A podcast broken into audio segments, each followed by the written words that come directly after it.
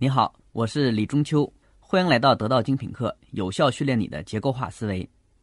我呢是一名研究者，研究的是人的思维方式。在我多年的研究中啊，我接触过很多成功的企业家和管理者，他们的成功呢都有一个共同的特点，那就是拥有高效的思维方式。这种思维方式是什么呢？我稍后会说啊。那我们来看几个场景啊，你有没有这样的困惑呢？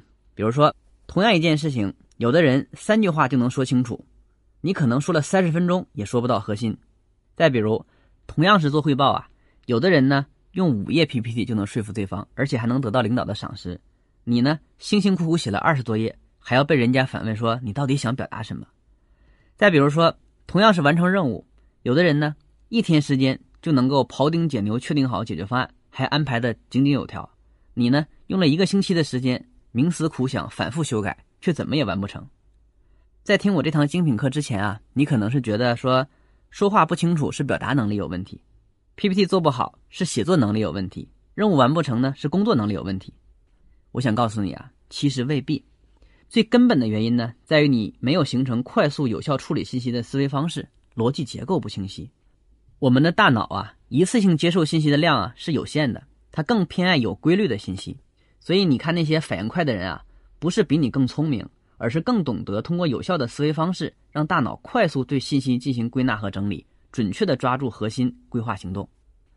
接下来我会说一串数字，看你是否能够记得住啊。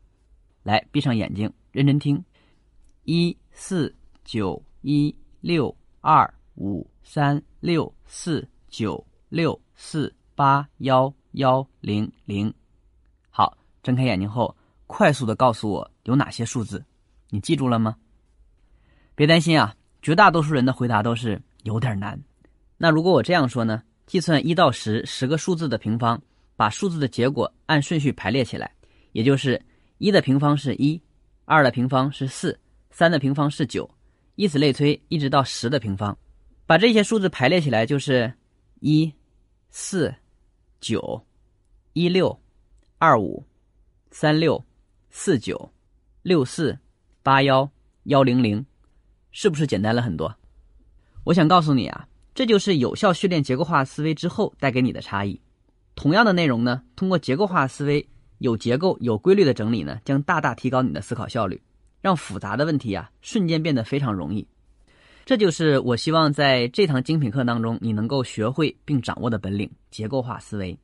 这套思维方式是可复制、可学习的。正如开篇所说啊，我专门研究结构化思维已经七年了。我成立了结构思考力学院，建立了一套非常系统、适合于国人的结构化思维体系。这套方法我已经通过培训的方式带进了将近三百家五百强企业，帮助了几十万的企业家、管理者和职业人学会清晰思考。那在这门精品课当中呢，我也会把他们都教给你。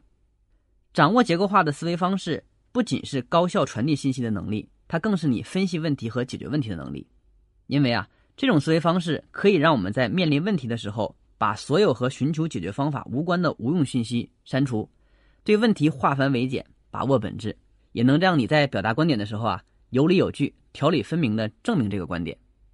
所以你会发现啊，无论你是做什么工作的，都需要把事情想清楚、说明白，并能够有效的令对方信服，这是你开展所有工作的基础，也是这个时代所有人的必备技能。所以，下面这一个小时的课你可要听好了，它的价值在五百强企业的培训中可以高达十万元。我会把其中最核心的精华讲给你听。我将课程呢分成了五讲，第一讲我会跟你讲清楚什么是结构化思维，第二讲教你面对海量信息的时候如何高质量的接受，第三讲我会告诉你如何对信息进行归类整理，第四讲如何有效的总结得出结论，第五讲。怎样输出表达信息，让你的对外呈现更加的完美？我希望通过这个课程啊，可以让你做到思考清晰、表达有力，并养成以结构的视角去审视生活与工作的习惯，让你的生活工作啊变得更加的高品质、高效率。和我一起开始吧。